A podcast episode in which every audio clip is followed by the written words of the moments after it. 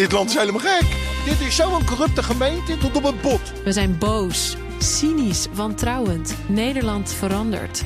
We onderzoeken de rol van angst in onze omgang met elkaar, in de politiek, in de geschiedenis. Seizoen 2 van de podcast Polder in de Fik. Waarom we zo bang zijn. Abonneer je nu in je podcast-app.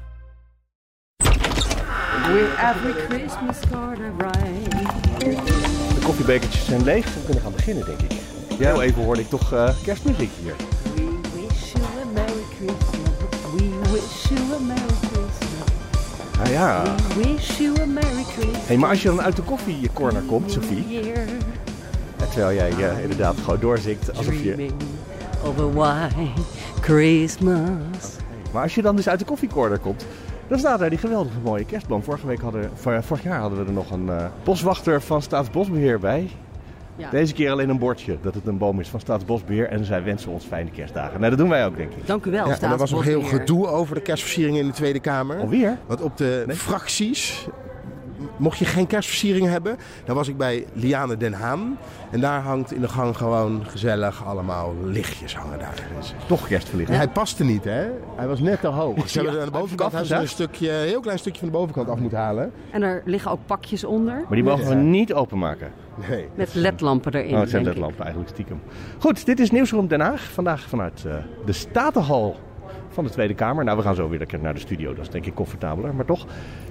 Eh, met Sophie van Leeuwen, Leonard Beekman, ik ben Mark Beekhuis. Ja, de echte kerstaflevering, die krijg je op de radio op de tweede kerstdag. Ik denk dat we hem op de podcast van de week al erin gooien. Dat is met kersttrui aan. Dit is ja, eh, in ons dit is nog geval, gewoon eh, op een eh, soort van normale werkdag. Ja, precies. We hebben volgende week ook nog een gewone aflevering. Dus genoeg om naar uit te kijken. Het is wel een historische dag of een historische week, want we hebben eindelijk een punt gezet achter de ellenlange pensioendiscussie. Hmm. 1500 miljard euro, Laten we daar uitgebreid over gaan kletsen. Dus dat is eh, iets om eventjes mee af te trappen. eh, vanuit de studio, denk ik, zo meteen. Oké, wij gaan naar boven. Weet je wat ik zo leuk vind? Normaal zie je altijd in de kranten zie je van die mooie eh, architectonische foto's van die roltrappen. Maar we zijn een podcast, dus we gaan hem gewoon laten horen. Het klinkt eigenlijk als een, eh, gewoon alsof een normale roltrap. Klinkt als een winkelcentrum. Ja, precies. Een mall. Hoogtepunt van de dag. Zo. En dan krijgen we het hier het ritueel bij de draaideur. Ik ben vandaag jullie gast, want op vrijdag kan je geen persaccreditatie krijgen voor één dag. Al die bureaucratie hier, daar word je helemaal niet goed van. Maar dat betekent dan, jij moet nu naar binnen met je pasje. Ja, en dan mag je door de draaideur. Gezichtsherkenner. Eh, ja, ik ben bekend hier, ik laat Ja. je zo binnen. En dan aan de andere kant, aan, dan mag ik naar binnen als wij allebei een pasje erin houden. Ik aan deze kant en Sophie aan de andere kant. Of Leendert. Die groen, piep. En dan mag je door de draaideur.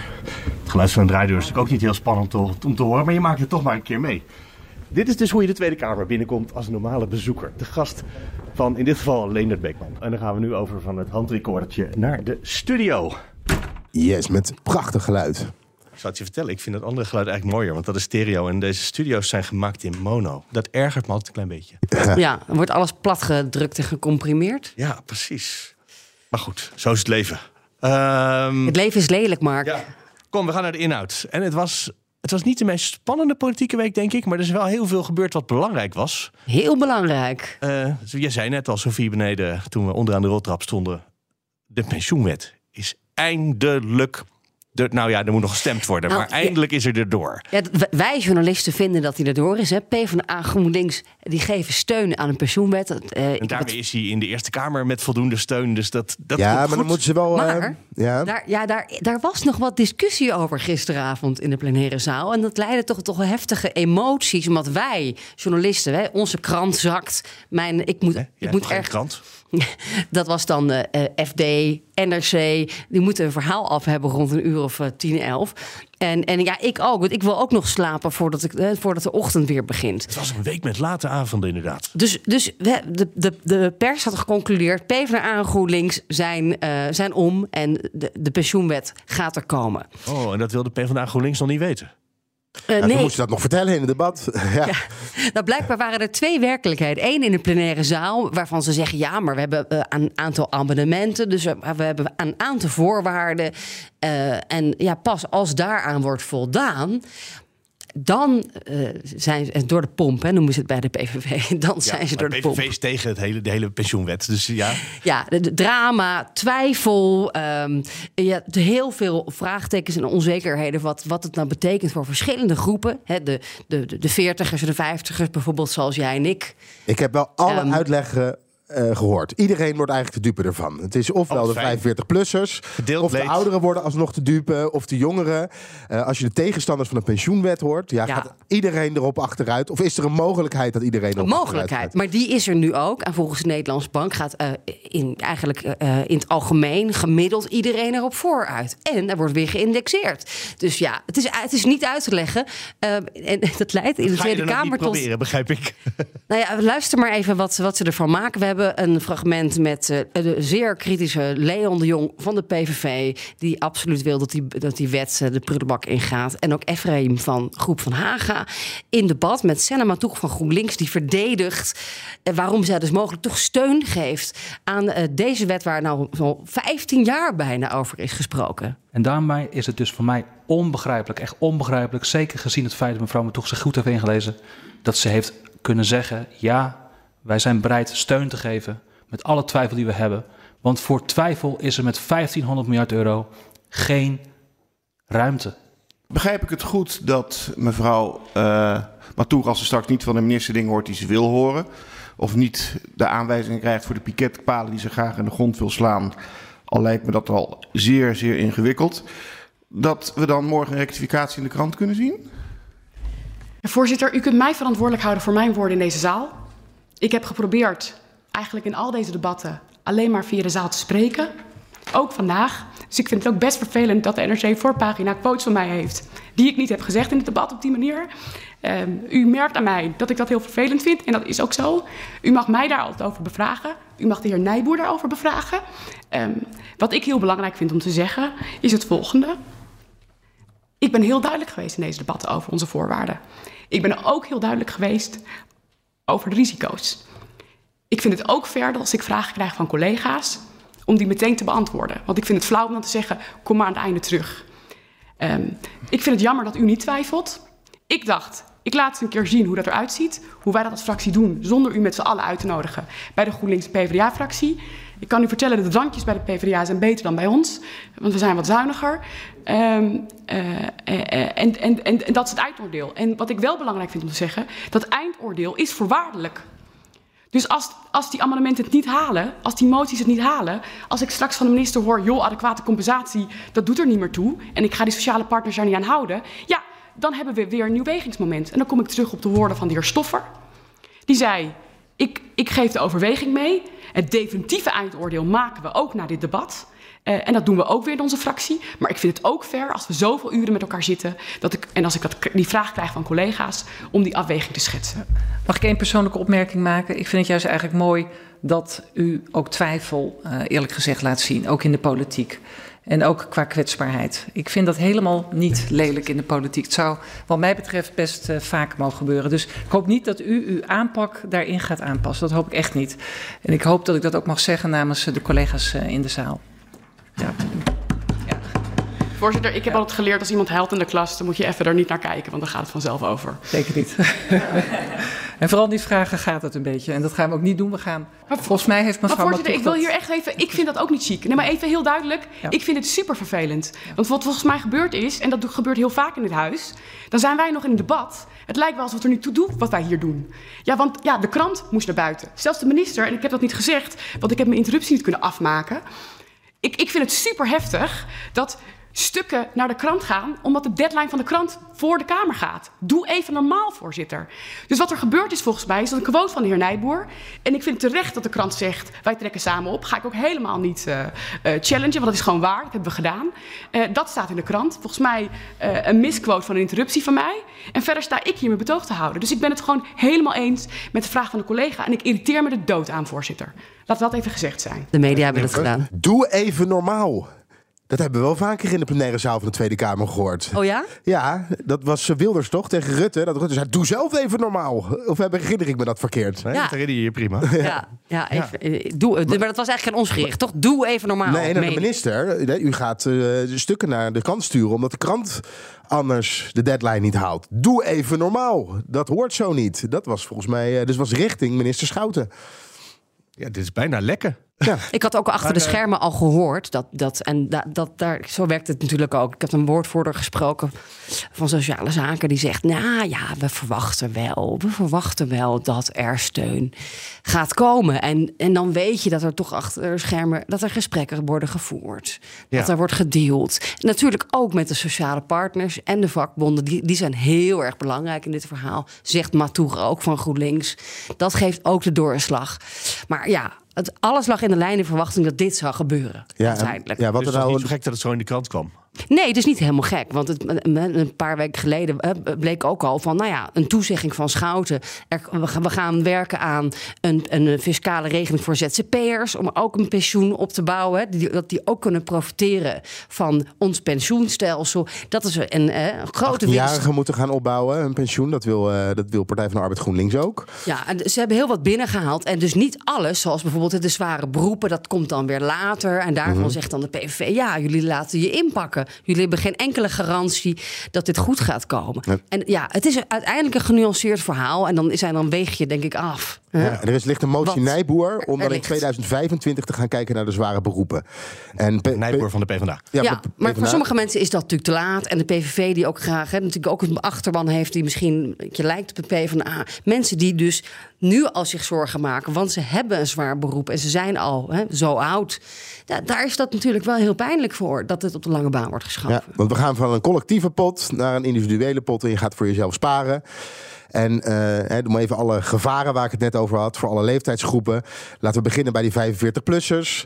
Zij hebben minder tijd om rendement te halen op hun, eh, op hun, hun spaargeld. Hè, dat je in je eigen potje zit voor je Jij, pensioen. jij Leendert. Ja, wij dus. oh, nee, nee, jij bent 45 min. Ik Ja, ja. en Mark. Eh, dus dat moet gecompenseerd worden. Maar waar gaan we dat dan compenseren? als er niet genoeg geld is. Nou, dat moet, dat moet dus geregeld worden door de pensioenfondsen zelf. En als zij niet genoeg buffer hebben, ja, dan kan het wel eens ten koste gaan van de mensen die bijna met pensioen gaan of al met pensioen zijn. Ja, dan heb je nog de jongeren. eh, met de, dus pensioenpotjes van de jongeren mag eigenlijk met wat meer risico belegd worden. Nou, als dat Kan ook. met te veel risico gebeurt. periode. Dus ja, iets, kan eh, het potje leeg zijn na vijf jaar. En nou ja, de, overal haken en ogen. Uiteindelijk was dit dus wel ook ja, toch een, een, eh, het verlies van het eh, onafhankelijk Kamerlid Pieter Omtzigt... die ook tot, weer tot twee uur s'nachts weer eens in de zaal stond te voeteren... eh, dat het allemaal echt niet oké is. En doe het niet. Doe het niet. Ja, je Ja, bent een eenmansfractie in een zaal met 150 politici. Dan heb je toch meestal niet de meerderheid. dat gaf hij ook toe. Hij als je gelijk hebt. ik heb maar één zetel. Hij heeft gestreden en hij heeft deze strijd Ja. om de pensioenwet... die de afgelopen weken hebben gezien, verloren. Ja, en maar waar kwamen net Lemja tegen in de wandelgangen hier? En die was ook boos, want die zei: Nou, wordt, wij, ons wordt verweten dat wij verkeerd geciteerd zouden hebben. En dat hebben we helemaal niet. Lemja van NRC bedoel je? Lemja van NRC. Nee. Nou ja, ik las vanochtend op de voorpagina de, de quote van, eh, van GroenLinks eh, Kamerlid Matoeg. De afweging eh, die we wat mij betreft moeten maken is tussen het huidige stelsel en wat ervoor ligt.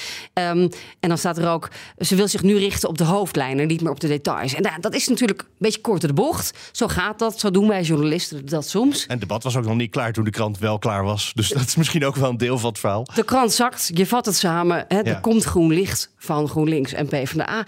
En ja, dit, ja, ik begrijp wel waarom zij dat vervelend vindt. Dat het zo... de journalistiek werd ter discussie gesteld. Alsof, alsof zij zich niet met details heeft bezig gehouden. Ik En dat dat ze op zich wel goed geciteerd hadden, maar niet volledig. En dat is altijd een issue bij elk citaat, ook wat wij hier in de podcast of op de radio maken. Eh, hoe volledig is volledig? Want je gaat natuurlijk niet de zeven uur debat uitzenden als je even wil laten horen, of er Nee. horen wat ik is. twijfel heel vaak over eh, de hè, volledigheid, onvolledigheid. Ja. Ja. want je moet altijd een keuze maken. Soms een bijzinnetje eruit. het de lading. En dat zijn de moeilijkste dingen als journalist. Ja. Van eh, wat, wat laat ik weg? Is, Is, het, dan nog wel... wat je doet of eh, vervorm je het? Ja, doet het recht aan de waarheid. Ja, precies. En dat zijn echt elke dag de keuzes die je als journalist maakt. En in dit geval, ja, misschien eh, wel een beetje korter de bocht. Ik begrijp waarom NRC dit op deze manier heeft gedaan. Want Ja. uiteindelijk is, als je het plat slaat, is het, komt er een meerderheid voor de nieuwe pensioenwet, voor ons stelsel, 1500 miljard. En gaat de linkse oppositie inderdaad akkoord? We zagen het al een tijdje aankomen. En is dit dan het definitieve moment? En de, de vraag is: gaat dus de coalitie instemmen met die amendementen? Want dan kunnen GroenLinks PvdA ja zeggen. Ja, en eigenlijk is dat al wel afgetikt ja, achter de schermen. Ik begrijp trouwens wel wat Matoeg zegt. we moeten het nu over de hoofdlijnen gaan hebben. Want er is al dik 100 uur bij elkaar gesproken over die nieuwe, nieuwe pensioenstelsel.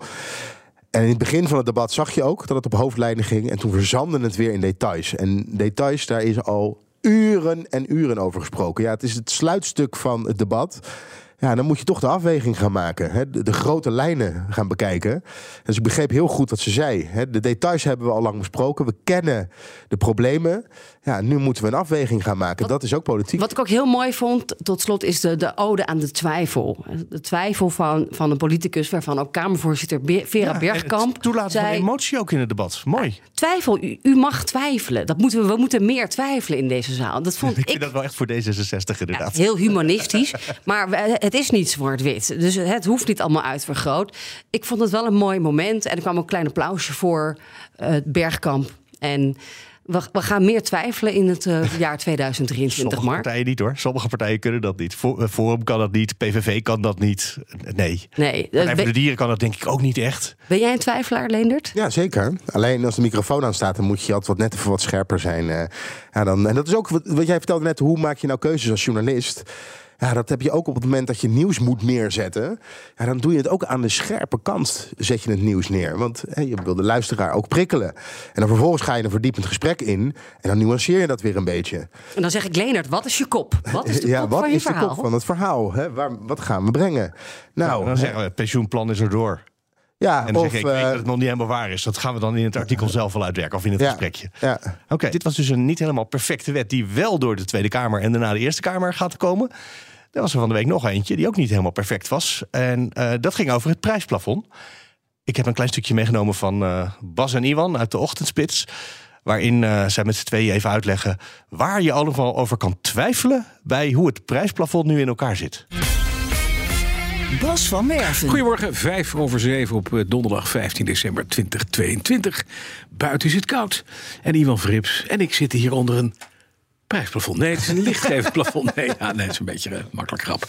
Er komt een prijsplafond. Nou, met veel gesteun en gemor en gekreun en gezucht heeft de meerderheid van de Tweede Kamer dan uiteindelijk toch ingestemd met dat prijsplafond voor gas en elektra. Maar ja, daar, wordt wel, daar worden wel wat zorgen uitgesproken. Het bleek in het debat gisteren. Bijvoorbeeld CDA-Kamerlid Henry Bontebal. Die zegt, het is niet de meest briljante regeling ooit door de overheid bedacht. D66 zegt de regeling is verre van ideaal.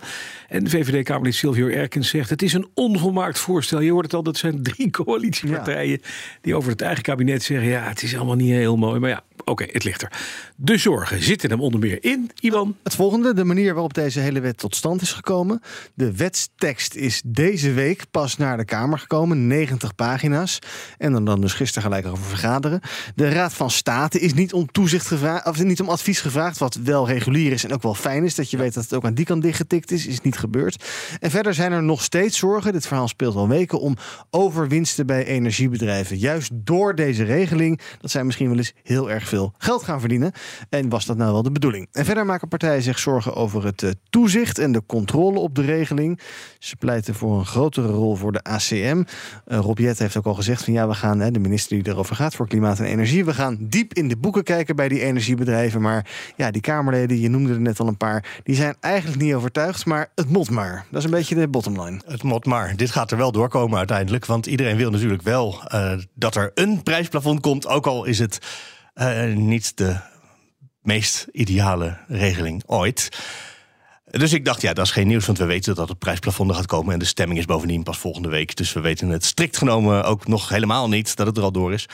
Uh, dus ik heb daar verder, ik heb wel dat debat gevolgd, maar ik heb daarvoor uh, Bas en Iwan verder geen, niks mee gedaan. Wel, de, mij viel op dat ineens werd aangekondigd dat vandaag de blokverwarmers, uh, de mensen die met mm blokverwarming wonen, een brief krijgen. Nou ja, die krijgen niet thuis een brief, maar de Tweede Kamer krijgt een brief over hoe ze dat gaan regelen. En dat dat op 1 januari nog niet rond is, maar dat het dan met terugwerkende kracht wel geregeld wordt. Dus daar heb ik een stukje van gemaakt. En ik dacht, het is ook nog wel leuk om een klein stukje van de discussie over dat prijsplafond uh, mee te geven aan de ochtendspits. Omdat het namelijk technisch echt ingewikkeld is. En tijdens het debat probeerden ze nog uit te vinden hoe dat dan uh, in de praktijk uit ging pakken. Bijvoorbeeld Pieter Omtzigt die maakte zich zorgen over of de subsidie af en toe niet negatief kon worden door hoe de formule in de teksten van de minister stonden. Dat had ik meegegeven aan de ochtendspits van nou, zie maar of je er tijd voor maakt. Uh, daarmee bedoel je natuurlijk eigenlijk, je moet het niet doen. Maar het is wel heel grappig om twee mensen zich te horen verliezen in een formule. Nou, dat ging even mis op de radio. Nou, dan streden uh, eh, CDA-Kamerlid Henry Bontebal en de onafhankelijk Kamerlid Pieter Omzicht nog over die, over die uh, regeltjes voor het prijsplafond. Omzicht zei in eerste instantie: Ik maak me zorgen dat de subsidie negatief kan zijn. Heer Omzicht. Ik pak bijvoorbeeld de formule in artikel 3. Die zet een sommatieteken. En daar wordt het energiebedrijf gecompenseerd voor het verschil tussen de prijs die in rekening is gebracht min het prijsplafond. Dat kan negatief zijn. Dus waarom staan daar niet twee haken omheen en zeggen dat is het minimum van nul of dit bedrag? U heeft een interruptie van de heer Bontebal, CDA. Dank, voorzitter. U heeft het volgens mij over die formule pagina 5. Um, en daar staat bij de definitie van de ja, totale hoeveelheid. En hier gaan we even interruperen, heren. Want dit, hier begint. Ja. ja.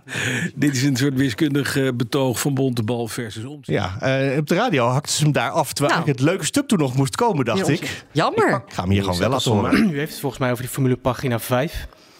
Um, en daar staat bij de definitie van de totale hoeveelheid elektriciteit in kilowattuur. Helemaal onderaan staat wel de zin. Hierbij wordt gerekend met de maximale bovengrens van het volumeplafond voor elektriciteit en een ondergrens van nul. Dus volgens mij voldoet dat aan wat u zegt. Namelijk, het kan geen negatief teken worden. Nee, dat gaat over de hoeveelheid elektriciteit. Dus THE, dat is de eerste term. Het is de tweede term die negatief kan worden. Maar het verschil tussen CLE KVA min PTE als die CLE 1,20 euro is en eh, PTE is 1,40 euro, dan staat daar min 20 cent. En dan moet het energiebedrijf onder het plafond min 20 cent betalen voor elke um, kuub gas die goedkoop aan die mensen verkocht is. Ja, dat lijkt mij niet de bedoeling, zeg ik maar even. Voor, ja, dan stelt u voor, en dat is volgens mij ook precies wat de bedoeling is. Maar wat die tussen de brackets staat, dat, dat moet uh, positief zijn, groter dan nul. Zie, het leuke stuk moest toch komen. Hilarisch. PTE en de, wat waren het allemaal? Nu hoor je ook eens hoe erg ons werk is. Dat we dit allemaal moeten aanhoren. dus dat, want dit kwam op maandag naar de Kamer. Dat document van 90 pagina's. En er staan een heleboel van dit soort formules in. En twee dagen later hadden ze het de hele eh, woensdagavond erover. Dit soort formules met sommatietekens. En trouwens ook formules waarbij dan weer dingen die opgeteld worden... nog een keer met elkaar worden opgeteld over een periode. Dat was dus uh, waar Pieter Omtzigt zich helemaal verkneukelde... dat hij het zo lekker vond dat er wel lekker formules in stonden. Maar om te overzien of iets niet per ongeluk uh, eh, 20 cent kost... in plaats van 20 cent gaat opleveren, of 0 cent... Je wilt wel dat hij het goed gaat. En Omtzigt had wel een punt, denk ik, die maakte zich zorgen over die formule. Dat straks als het verkeerd in, een, uh, in de tekst staat dat er dan energiebedrijven zijn die naar de rechter gaan en zeggen: ja, maar het staat hier, we hebben gewoon recht op heel veel miljarden nog. En dat kan je zomaar verkeerd gedaan hebben. Ik geloof achteraf dat hij zich wel heeft laten overtuigen. En ook ze, doordat ze dus in de behandeling van deze formules en de, hoe die regeling in elkaar zit. Omdat al besproken is dat de rechter daar dan rekening mee kan houden. En dat die miljarden claims nu uh, weer uit zicht zijn. Maar dit zou zomaar, dit is de allerduurste begrotingsoperatie van het hele jaar. Hè? En als daar nog eens per ongeluk een paar miljard bij komt, omdat er een plus of teken verkeerd om staat je zou maar pech hebben als land. Het gaat om 2 miljard, 2% eh, van onze totale uitgaven. Ja, dat weten we niet. Mhm. Het kan, als het heel meevalt, kan het 11 miljard zijn. Als het heel erg tegenvalt, kan het 40 miljard zijn. 22, 23 miljard schijnt een redelijke schatting te zijn. Daarmee, uh, ook maar even op gezag van Pieter Omtzigt, uh, is het een duurder project, alleen de prijsplafond, dan het hele ministerie van Defensie. Dat vind ik toch ook wel even dat je denkt voor, ja. voor de grote orde in deze tijd van oorlog. Het is maar goed dat we zulke slimme Kamerleden hebben trouwens. Want uh, ja, ik, mij ben je echt helemaal kwijt nu met al die formules. Ja, nee, die formule was ook niet om... Uh, ik heb ook die formule laten horen, zodat je mee kan rekenen. Maar om te laten horen dat het gewoon technisch echt ingewikkeld is... om te zorgen dat dit goed gaat. Ja. En ik dacht, het is zo grappig, maar Bas en die hebben geen gevoel voor humor. nou, een ander gevoel voor humor. Complimenten aan de heer Bontebal en de heer Omtzigt voor uh, puikwerk. Ja, gesproken over heel veel geld, zullen we maar Ja, zeggen. De nou, najaarsnota. Ik hoef hè? niet eens. Oh nee, ik wou naar de Sieverts gaan. Oh, je wil naar Siebert gaan? Ja. Nou, misschien is het beter om even nog de najaarsnota mee te Nee, nemen. we, doen even, we doen straks Nou, de, de even kort, want Sophie, eh, hoe gaat het betaald worden? Dat moest Kaag deze week in de Kamer uitleggen. Ja, dat weten we nog niet. Nee, dat weten we Ik nog heb niet. ook geen nieuws hoor, nog sinds eh, afgelopen week. We hebben, we hebben geen idee. Maar ik denk, ik, mijn analyse. Ik Help me ben- even herinneren. Wat is de najaarsnota? Dat klinkt alsof het over de herfst gaat, maar het is nu winter. Dus wat uh, Nou, we gaan, het over? we gaan dus, dus die hè, misschien 23 miljard extra uitgeven. Oh, dit is eh, de begroting. Dat is trouwens volgend jaar. Maar voor dit jaar ook hè, miljarden extra uitgeven aan eh, nou, bijvoorbeeld 190 euro per maand. Hè. We hebben natuurlijk allerlei steunmaatregelen. En ehm, hoe gaan we dat eh, betalen? Dat weet Kaag nog niet. Dat, dat, weet, dat hebben we het al weken geleden hebben we het al haar ook Ja, over gehad. Ja. Waarschijnlijk hebben we een enorme meevaller op de gasbaten. Want we geven geld uit aan steun, maar we verdienen geld aan hè, gasbaten nog steeds. Eh, met de hoge, we, we pompen nog maar een heel klein beetje. Of hoe, hoe doe je dat? Pompen, zuigen, eh, onttrekken uit de bodem. Winnen wil je. We winnen het. Uit allerlei gasvelden. Het gasveld. Sommige daar moet je het uitpompen en andere daar komt het wel zelf Het uit. is niet meer zoveel, maar het levert nog wel verdomd veel geld op. Net zoveel waarschijnlijk als eh, toen we nog eh, eh, de hele, kraan nog helemaal wijd open stond. Dus ehm, dat is het goede nieuws. En daar kun je eigenlijk de kosten wel mee betalen. En verder ging het erg veel over onderuitputting. Oftewel, alle ambities van dit kabinet Rutte 4, weet je nog, nieuw elan. Eh, jij was bij het Bordes nog Mhm. in 10 januari, Leendert. Die gaan we helemaal niet waarmaken. Dus, want we hebben geen personeel op defensie. We gaan heel veel projecten vanwege stikstof en eh, tekort op de arbeidsmarkt niet uitvoeren. Ja. En dan, dus eh, geld ja. genoeg. eh, en dat kunnen we allemaal gebruiken om gaten mee te dichten. Toch kan Kaag niet uitsluiten dat we wel moeten gaan bezuinigen op termijn. Want de rente stijgt. Gisteren de ECB, 5 pro, half procentpunt erbij weer. Dat gaat nog verder oplopen. En dat kost de staat miljarden euro's. Ja, en dat is wel interessant. Hadden wij nog een, eh, een debatje over met z'n tweetjes. Eh, op het moment dat je 7,5 miljard gaat dat kosten hè, aan extra rente dat je moet betalen over de, de geleende bedragen, over de staatsschuld. Ja, dan hoor je partijen in de Tweede Kamer zeggen over hè, het totale gat in de begroting. Laten we dat betalen door gewoon de staatsschuld op te laten lopen. Maar de staatsschuld op te laten lopen om daarmee de rente van de staatsschuld te betalen, ja, dat kan natuurlijk niet. Nou, dat is Dan een no-go. Kan Maar- dat niet? Dat kan toch wel? Dat doen eh, serieuze landen als Frankrijk ook. En Ja, Italië. Ja, maar dat is hier een no-go. Met de inflatie, eh, die staatsschuld die, die zakt alleen maar. Dus dat, is, Ja, dat is het goede nieuws van het voordeel inflatie. van inflatie dat de schuld afneemt. We zitten nog steeds onder de 50 procent. Ja. Na de coronacrisis, naar alles zegt wat het we hebben no-go, gedaan. maar ik hoor hier allerlei hele goede argumenten Kijk, om het wel te laten Eh, gebeuren. De hele linkse oppositie vindt dit natuurlijk een geweldig idee. Maar het is een soort van no-go voor minister van Financiën. En Kaag zit Die nog hoeft het in niet de, zelf voor te stellen, die moet het accepteren. Het is haar eerste jaar. Zij moet bewijzen dat ze frugal is. Hè? En dan weet dat ze gewoon een degelijke Nederlandse minister van Financiën is. Hoewel ze nu in, op dit moment in Suriname zit om over excuses Ja. te praten. Maar dat is als vicepremier. Dus ja, eh, het, is, het is not done. Waarom en er zit zijn mevrouw drie- Kaag daar trouwens? Waarom zit daar niet de minister van Buitenlandse Zaken... die we daar speciaal voor Omdat zij diplomaat is. Of koningsrijksrelaties kan ook nog. Zij- Suriname is dat niet meer, maar... Zij weet hoe dit werkt. Tenminste, dat hopen we dan maar. Ja, maar dat zou toch inmiddels... eh, to- we hebben toch een minister van Buitenlandse Zaken... die toch inmiddels wel een beetje ingewerkt zou moeten zijn? Nou, ja. Ja, nee, ja, Ik denk- dus, ik met denk- dit antwoord disqualificeer je, disqualificeer je misschien meer dan je bedoelt. Kijk, Hoekstra staat ook nog wel bekend als blokkeervries. Hè? En eh, als frugal. En eh, hè, de, de, de man van de Hanse landen. En Ja. die, dus eh, eh, Hoekstra is nou niet... Denk ik de man die de skills heeft om de chaos rondom de slavernij-excusesrel op te lossen. Die heeft daar te weinig, eh, denk ik, sowieso diplomatieke ervaring voor. Maar ook misschien emotionele eh, skills, of hoe noem je dat? Empathische Ja. skills. Ja. En bovendien, eh, nou ja, goed, ook hè, cultureel gezien. Kaag heeft natuurlijk een heel groot deel van het leven, nou, niet in trouwens eh, het Westen, zeg maar Suriname of de, de, de Caribbean gewoon, maar wel in de Arabische wereld. Dus ehm Kaag is wel iemand die echt in verstand heeft van interculturele verschillen Zeker. of gedachten. Want dat, dat is hier wel echt aan de hand, toch? Maar het blijft toch gek dat je je ministerie van Financiën stuurt... voor iets wat... Vicepremier. Ja, dat is ze ook. Ja. Maar ze Ja. gaat als Je kan vicepremier. altijd recht praten als je graag wil. Ja. Ja, nou ja, goed, de Rutte die, eh, heeft het te druk met wat? De EU-top? Of eh, iets anders. Maar meneer Rutte kan er ook pas heen als alles geregeld is, zodat hij daar uh, handen kan schudden en iedereen. Ja, Rutte gaat er pas over praten. Zo begreep ik het een beetje in de persconferentie vorige week. Uh, Rutte gaat als minister-president, pas als het zover is, ja. gaat, hij de, gaat hij vertellen hoe het er precies uit gaat zien. Maar willen ze tot de 19e gewoon wachten. Ja, dan moet alles duidelijk worden. Dat is maandag trouwens, hè? Ja. dat is hartstikke snel al. Ja, het is natuurlijk absurd dat je dit op het laatste moment nog moet fixen. Dat kan eigenlijk helemaal niet. Ik ben benieuwd waar die maandag mee gaat komen. In het Nationaal Archief. Dat is hier naast de Tweede Kamer. Hè? Mhm. Kunnen we gewoon bij zijn. Vijf meter lopen. en dan ga je dan... Ja, ik zou zeggen, doe toch maar 1 juli. Hè? Want ja, gaat, iedereen gaat het niet doen.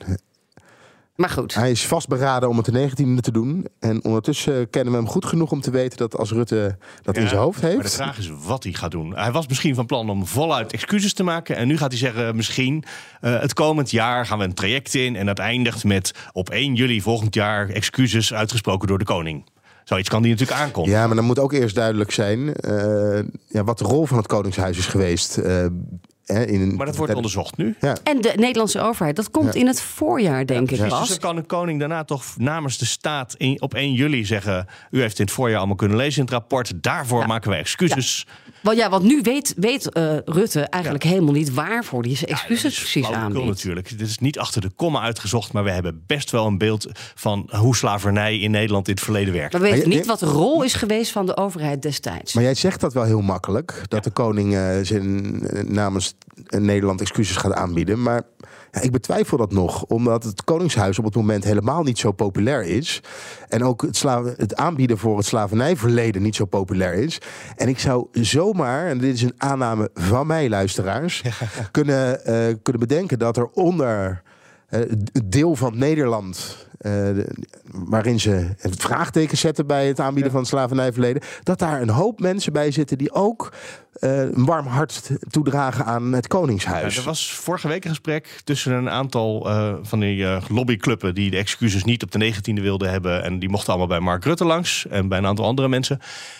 En toen ze naar buiten liepen, toen hintte Mark Rutte er volgens mij op dat het op 1 juli wel met de koning gaat gebeuren. Of dat er dan nog een groter gebaar gaat gebeuren dan nu op de 19e. Nou, lijkt mij wel verstandig. zo loopt. Lijkt mij wel verstandig. Uh, voor de koning moet ook verbinden. En uiteindelijk moet je iedereen hierin meenemen. En daar heb je dan soms een koning voor nodig. Ja, precies. Dus. Maar goed, je wilde over Siewert hebben. Over koningen gesproken, de koning van de mondkapjes. Ja, en nou ja, over de sms'jes nu van uh, Siewert van Nou ja, gisteravond, dus het was donderdagavond. Ik was nog het pensioendebat aan het kijken... terwijl uh, Sanne toch van GroenLinks in tranen uitbarstte. En was ik ook nog op één aan het kijken... waar daar zaten uh, vier coalitie-fractievoorzitters... terug te blikken op het jaar. en, en, dus ik had twee schermen. En ik moest de, de, de berichten over Siewert lezen. Die waren, waren honderden pagina's. Ja, dus dat, dat, Die heb je niet allemaal kunnen lezen. Dat kon niet. Dus ik, heb, ik had drie schermen open. En ik heb geprobeerd uh, te scannen, uh, het een en ander te lezen. Voor mij bevestigt, um, dat is alle communicatie ook van het consortium, hè, de jongen over, over de mondkapjes van Seward.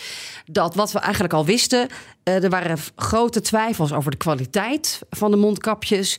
En ook over of het, het logistiek, zeg maar, hoe noem je dat? De, dus dat, de luchtbrug. De, ja, of die wel functioneerde. Ja, want uh, Siebert had een enorm grote mond over... ik heb een luchtbrug tussen China en Nederland. Als je dit ik leest, denk je... met KLM en dat was allemaal niet waar. Het was helemaal niet in orde. En, dan zie je dus eigenlijk die ambtenaren... en denk ik, hè, dat het allemaal weggelakt wie dat dan precies waren. Maar zeggen, ja, maar zullen we hier dan mee stoppen? Want het is eigenlijk niet oké. Okay. Misschien moeten we hier gewoon een punt achter zetten. Dat komt een paar keer terug. Ik weet niet of wat jij hebt gelezen, Leendert. Van, uh, ja, ja waarom doen we dit eigenlijk? En je ziet dat hij nog blijft bevestigen blijft zeggen dat hij het om het niet doet. En uh, ja, dat hij toch wel probeert. Nou, probeert, het is hem ook gewoon gelukt. Hij heeft gewoon bewust ervoor gekozen om net te doen alsof hij er geen winst uit zou halen. En dat is de reden waarom het wel is doorgezet.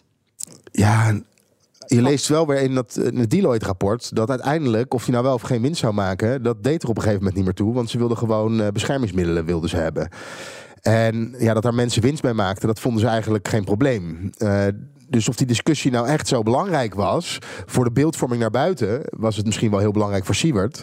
Maar binnen VWS, ja, er waren meer mensen die aan ehm, eh, aan mondkapjes geld verdiende of aan schorten. Of, Ja, eh, ja. maar ik heb ook een aantal passages gelezen waarin dan staat... ja, maar eigenlijk hebben we misschien toch wel eh, ook heel veel andere deals. We hebben heel veel mogelijkheden om aan materialen te komen. Dus waarom moeten we met al die twijfels die er nu liggen... met deze deal akkoord Ja, en ook de grootte van de orde. Hè?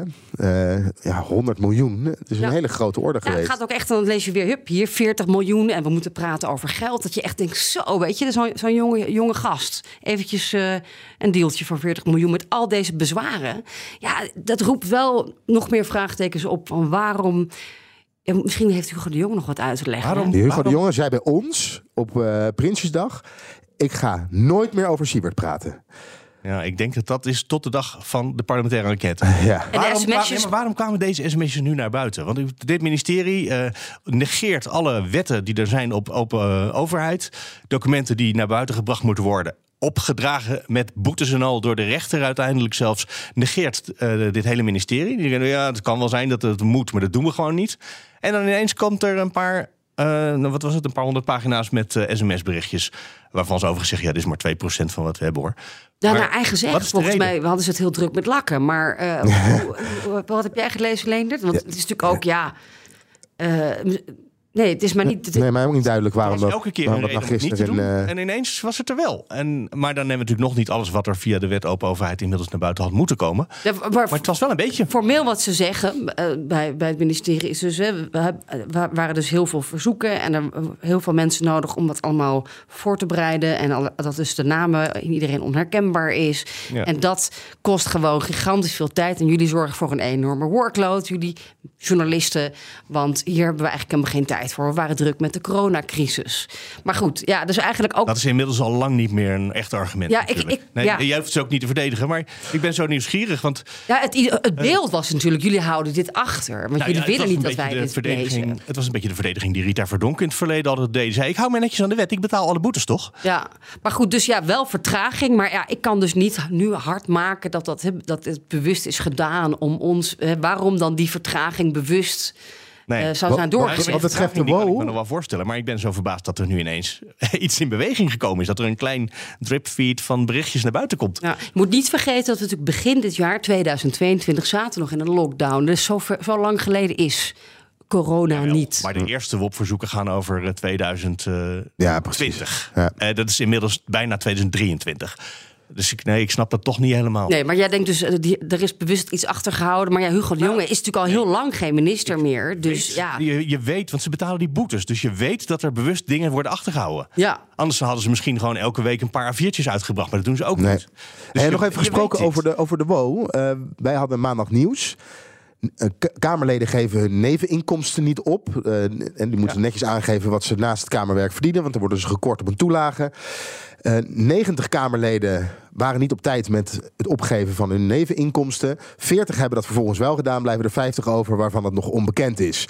Renske Leijten eh, hadden wij op zender, heb ik ook gesproken. Zij was één van de Kamerleden die vergeten was dat op te geven. Heeft het toen netjes gedaan. Maar kreeg ook het verzoek, mogen wij jouw naam... Hè, er is een woonverzoek, mogen we jouw naam daarin publiceren? Dat is jij- voor derde. ja, dat, je, dat jij bij die groep hoorde heeft gezegd... ja, natuurlijk mag dat. En uiteindelijk stonden de namen niet in dat... eh, in de stukken die wij gekregen hebben via dat WO-verzoek. En dat vind ik wel opvallend. Want dan is er kennelijk in de Tweede Kamer een meerderheid eh, dat zegt... we willen dat niet. Ja. En dan gebeurt het ook niet. Nee, je zou natuurlijk ook kunnen zeggen, nou, als Renske Leijten daar staat, dan laten we het staan. Maar als daar dan, eh, nou ja, wie zal het verder zijn? eh, Ja. Iemand, van Forum schiet meteen in mijn over, maar daar heb ik geen zin in om als voorbeeld te nemen. Maar dan, eh, die zeggen, mag niet naar buiten. Nou, dan eh, lakken we die naam weg. Ja, nou, er waren helemaal geen namen. Er was ook niks weggelakt. Ehm, zover ik weet stonden er helemaal geen namen meer in. Dus ja, waarom dat nou niet erin eh, in terecht is gekomen...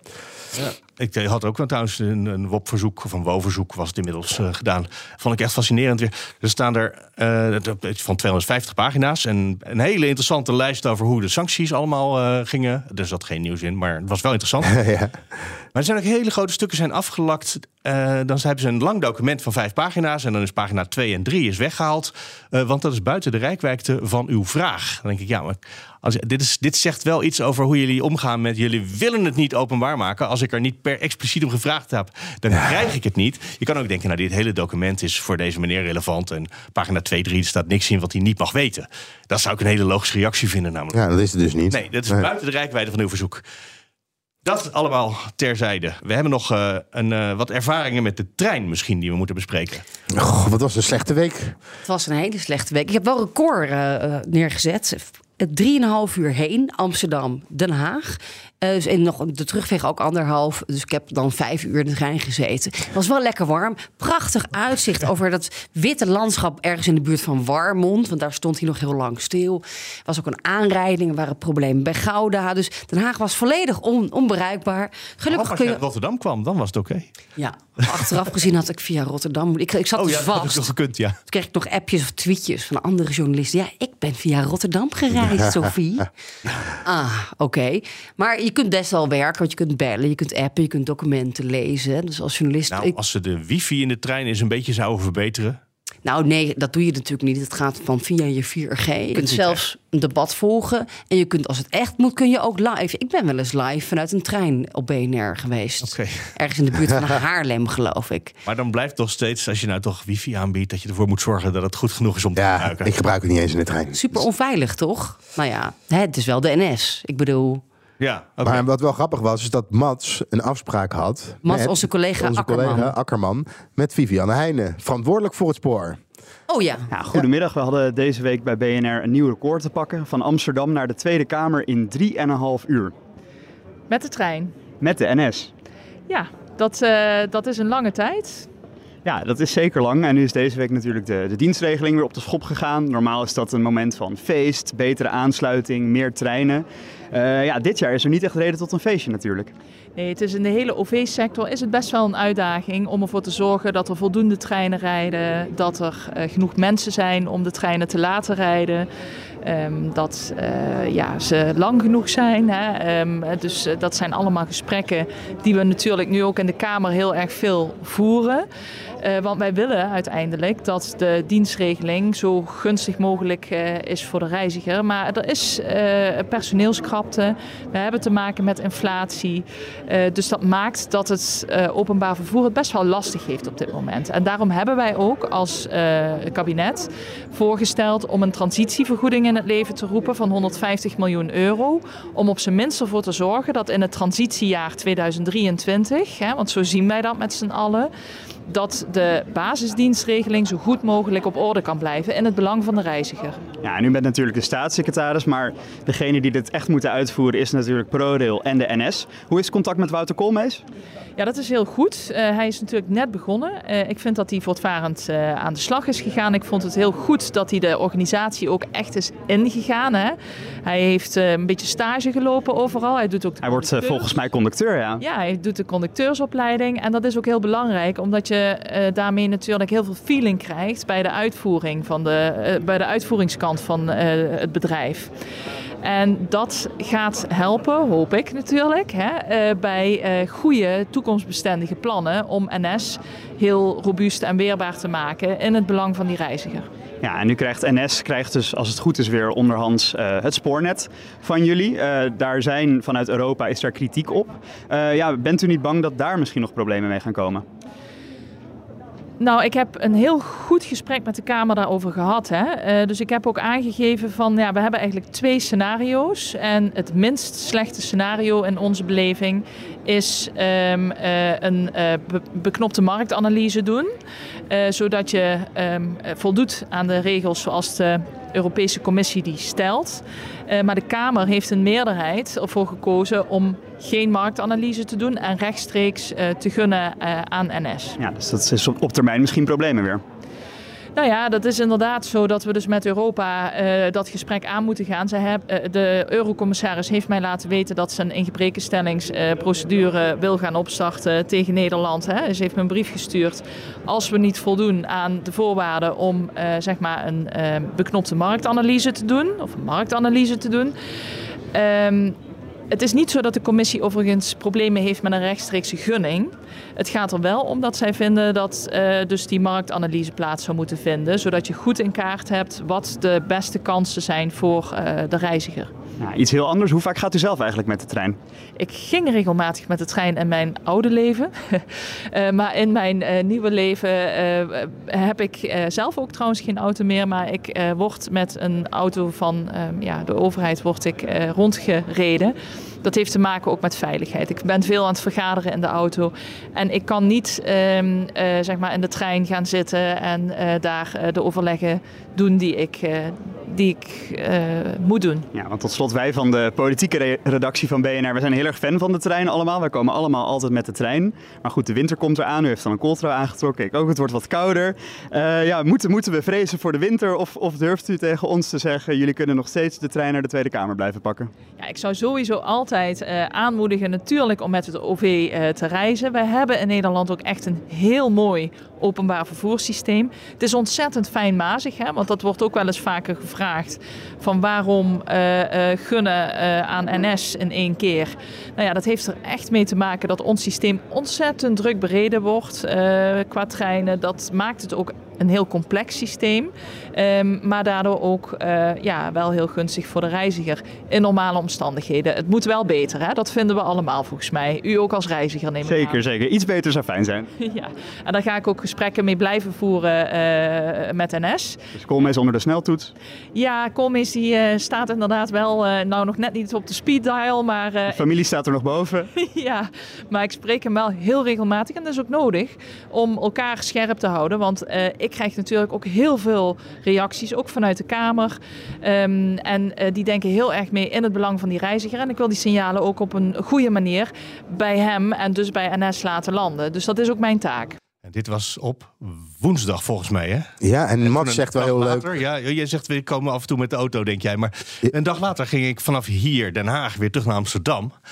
Dan ben ik in een trein gestapt, die viel uit. Toen ben ik in een andere trein gestapt die viel uit. Toen ben ik in een derde trein gestapt. Die kon helaas niet vertrekken. Dat is eigenlijk hetzelfde als dat die uitvalt. Dus de reden dat ik al drie keer met de auto ben gekomen naar Den Haag ja. deze week. Ja, en Sofie en ik stonden op een gegeven moment week. in dezelfde file. En bij mij reed er op een gegeven moment een vrachtwagen uh, voorbij. Die had een heel groot bord achterop staan. Inhaalverbod is discriminatie. Toen dacht ik, nou, nu breekt mijn klomp. Alles is nu discriminatie, geloof ik. Uh... Ja, maar we stonden dus wel in de file. Ja, ja. sterker nog, ik zat hier wel, want de, naar de studio hier komen, dat ging ja. goed. En toen klopte er opeens iemand op de deur. Dag! Minister Adriaan zegt, ja, kom voor de uitzending. Wist ik veel. Gezien, oh, dan moet u in de studio hiernaast zijn. Um, dus dat, uh, dat was goed dat de verbinding met de trein die dag wel goed ging. Hierheen. Ja. Maar terug wegkomen, dat was bijna niet te doen. Maar we liep nog tijd voor een laatste nieuwtje. Ja, volgens mij, ik zie jullie de hele tijd naar je mobieltje grijpen. Ja. Is er breaking news? Nou ja, het is wel weer heel Haags, maar sorry. Er is toch, toch weer een Kamerlid dat opstapt. En dat is niet ja, voor de eerste keer dat we van hem horen. Harry van der Molen, CDA. Mm -hmm. uh, Burn-out gevalletje, is al een tijd weg geweest. Uh, onder andere bezig geweest met de WO, de wet open overheid. Weet daar veel van. Hij stopt er nu toch echt mee, want um, uh, hij heeft een aantal gezonde jaarringen rond zijn stam nodig. Nou ja. Dat is mooi poëtisch gezegd. Wij vinden het te moeilijk en te vervelend en te zwaar hier. Hij trekt het niet. En ja, als je weer deze week die debatten ja. zag, tot weer echt twee, gisteren twee uur s'nachts, ja. woensdag twee uur s'nachts. Het is ook heel ongezond. Ja, hij heeft wel een nieuwe baan. Maar nu opeens heb ik een aha-erlevenis. Want ik kwam deze week uh, Evert-Jan Slootweg tegen in de Tweede Kamer. Uh, die, uh, ook van het CDA. Ik zeg, goh, kom je even gezellig een dagje op de fractie? Ja, ik kom weer eens even hoi zeggen. En um, die werd uh, begeleid door Anne Kuik van het CDA. Evert-Jan Slootweg is degene die op de lijst staat na Harry van der Molen. Dus die, die komt, komt nu weer in terug in, in de, de, Tweede Kamer. Kamer. Eerst ja. was dat met Henry Bontebal, weet je ja. nog? Die deed het erin, erin, eruit, erin, eruit. Als er een zwangerschapsverlof was, ja. Ja, dat is dus nu Slootweg, uh, zeer ervaren. Uh, ook van financiën gedaan, denk ik. Dus prima dat hij weer terug is. Welkom in Den Haag. En sterkte met die, die ringen. Die, of die, ja, ja, ringen, ja. die zie dat niet helemaal voor me, hoe die jaarringen werken. Ja, nou ja, je wordt hier gewoon snel oud. Heb je gezien hoe grijs wij ja, het gaat heel snel. Dit jaar. Dit jaar. Oei, oei, oei, oei. Ja. Heb je nog iets leuks, Leen? Nee, nou, mijn leukste momentje was, het, uh, was de vrachtwagen. Oh, ja. dat is dus, echt wel een momentje. Dat was mijn momentje van deze week. Noem je dat leuk? Ja, en ik moest er wel een beetje om lachen. Goed, dat was Sophie het. van Leeuwen, Leonard Beekman. Ik ben Mark Bijkhuis. Dit is Nieuwsroom Den Haag voor deze deze week. Wat ik zei, de komende week verwacht gewoon een extra kerstaflevering alvast in je podcastfeed. En die gaan we dan op tweede kerstdag op de radio uitzenden. En uh, vrijdag zijn we er, nou niet met z'n drieën, want Sofia is vrij, maar Mats is er dan weer. Die staat hier weer in Den Haag. En Leonard en ik zijn er natuurlijk bij. Dus uh, heel graag tot daar en tot dan. Kerstborrel, toch? Lekkere dingen mee, champagne.